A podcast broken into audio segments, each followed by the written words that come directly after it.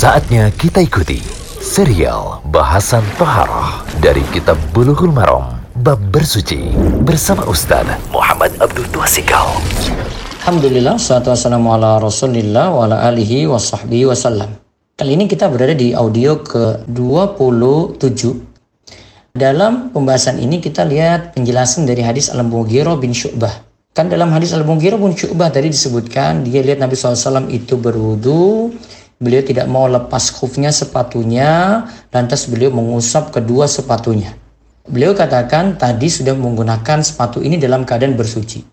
Faedahnya dari hadis ini adalah hadis ini jadi dalil bolehnya mengusap kedua khuf atau sepatu ketika berwudu sebagai ganti dari mencuci kaki. Jadi kita biasanya kalau berwudu sampai kaki kan kaki kita cuci ya. Bahkan kita gosok-gosok bahkan bagian sela-selanya juga kita cuci. Nah kali ini tidak perlu ya. Kita cukup dengan mengusapnya saja. Mengusap khuf ini. Mengusap kos kaki ini. Tidak masalah seperti itu. Mengusapnya nanti pada bagian atasnya, bagian punggungnya nanti akan dijelaskan pada hadis Ali. Nah, hadis ini membicarakan ketika keadaan safar, namun mengusap itu berlaku juga ketika mukim. Jadi, saya stay di rumah gitu, tetap masih boleh untuk mengusap khuf. Sebenarnya nanti disebutkan dalam hadis Ali. Terus yang ketiga, mengusap khuf ini berlaku ketika kondisi hajat. Saya butuh, saya boleh mengusap. Atau bukan kondisi hajat.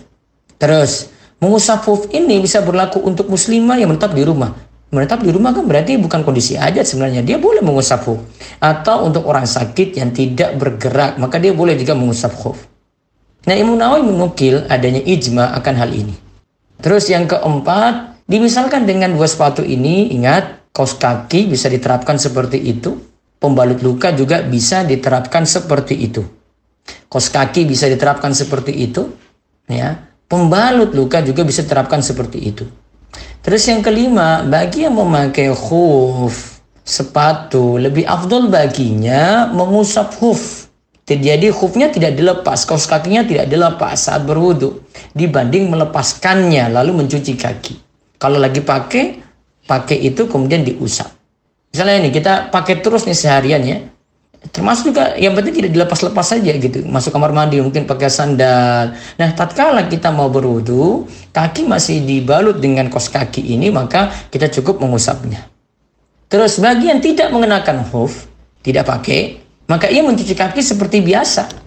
Ya ia mencuci kakinya seperti biasa. Ia tidak harus memakai hoof untuk dapat mengusap ya.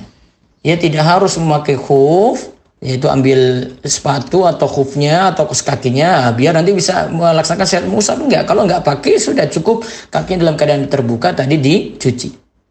Terus yang ketujuh khuf yang boleh diusap adalah yang disebut khuf.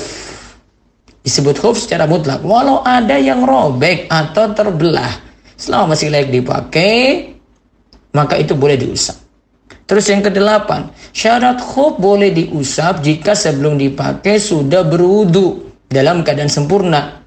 Jadi sebelum saya ini mau mengusap, saya ketika pakai, ini saya sudah berwudu dulu sampai cuci kaki. Ini misalnya terjadi jam 6 ya. Jam 9 wudu batal, saya mau wudu ketika itu, maka saya wudu seperti biasa sampai pada bagian kaki cukup diusap saja kos kaki atau khufnya atau sepatunya. Yang kesembilan, mengusap huf dibolehkan jika ketika memakai huf dalam keadaan bersuci dengan berwudu, bukan dengan tayamum. Karena dengan tayamum kan kaki nggak diusap ya. Kita kan tayamum cuma mengusap muka dan telapak tangan.